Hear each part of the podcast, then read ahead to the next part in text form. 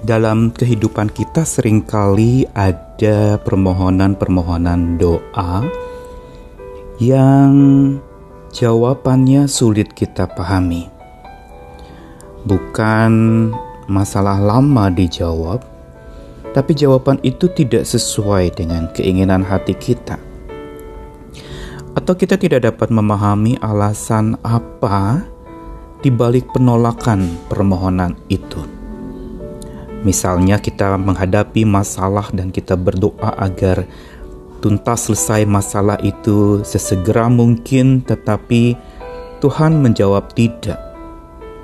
Dan kita bertanya-tanya apa alasannya tapi kita tidak kunjung mendapat jawabannya. Ini sebuah realita yang sering kita hadapi dalam perjalanan hidup bersama dengan Tuhan di pertumbuhan iman kita. Saya Nikolas Kurniawan menemani dalam sabdanya menyapa kita lagi hari ini dari satu Tawarik pasal 29 ayat 16 sampai 17. Ya Tuhan Allah, kami segala kelimpahan bahan-bahan yang kami sediakan ini untuk mendirikan bagimu rumah bagi namamu yang kudus adalah dari tanganmu sendiri dan punya mula segala-galanya. Aku tahu ya Allahku bahwa engkau adalah penguji hati dan berkenan kepada keikhlasan. Maka aku pun mempersembahkan semuanya itu dengan sukarela dan tulus ikhlas.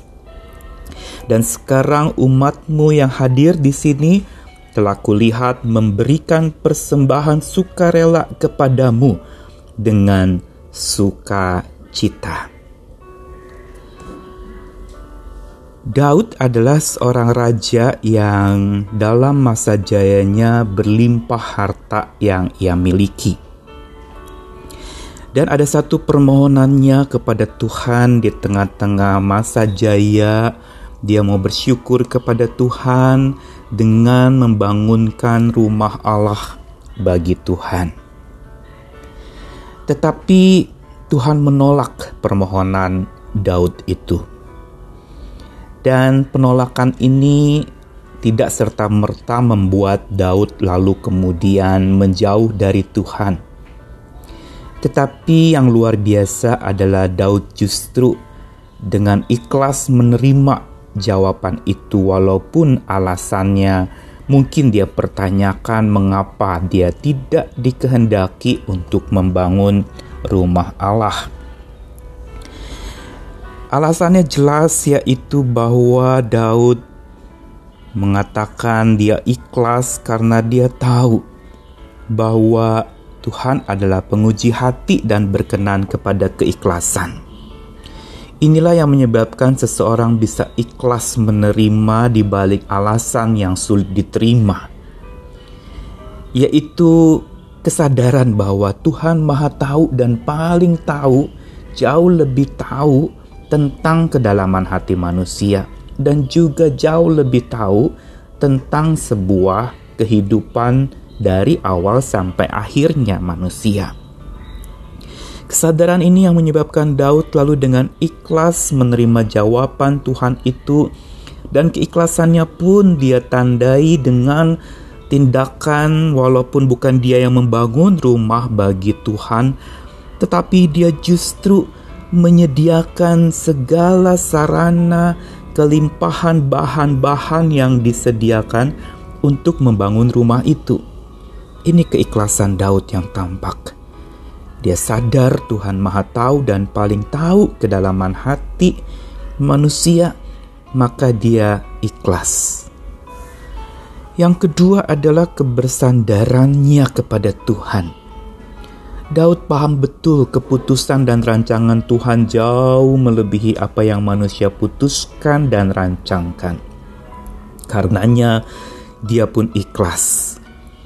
Ikhlas karena kebersandarannya pada keputusan, kedaulatan Tuhan, dan rancangannya yang melebihi rancangan manusia.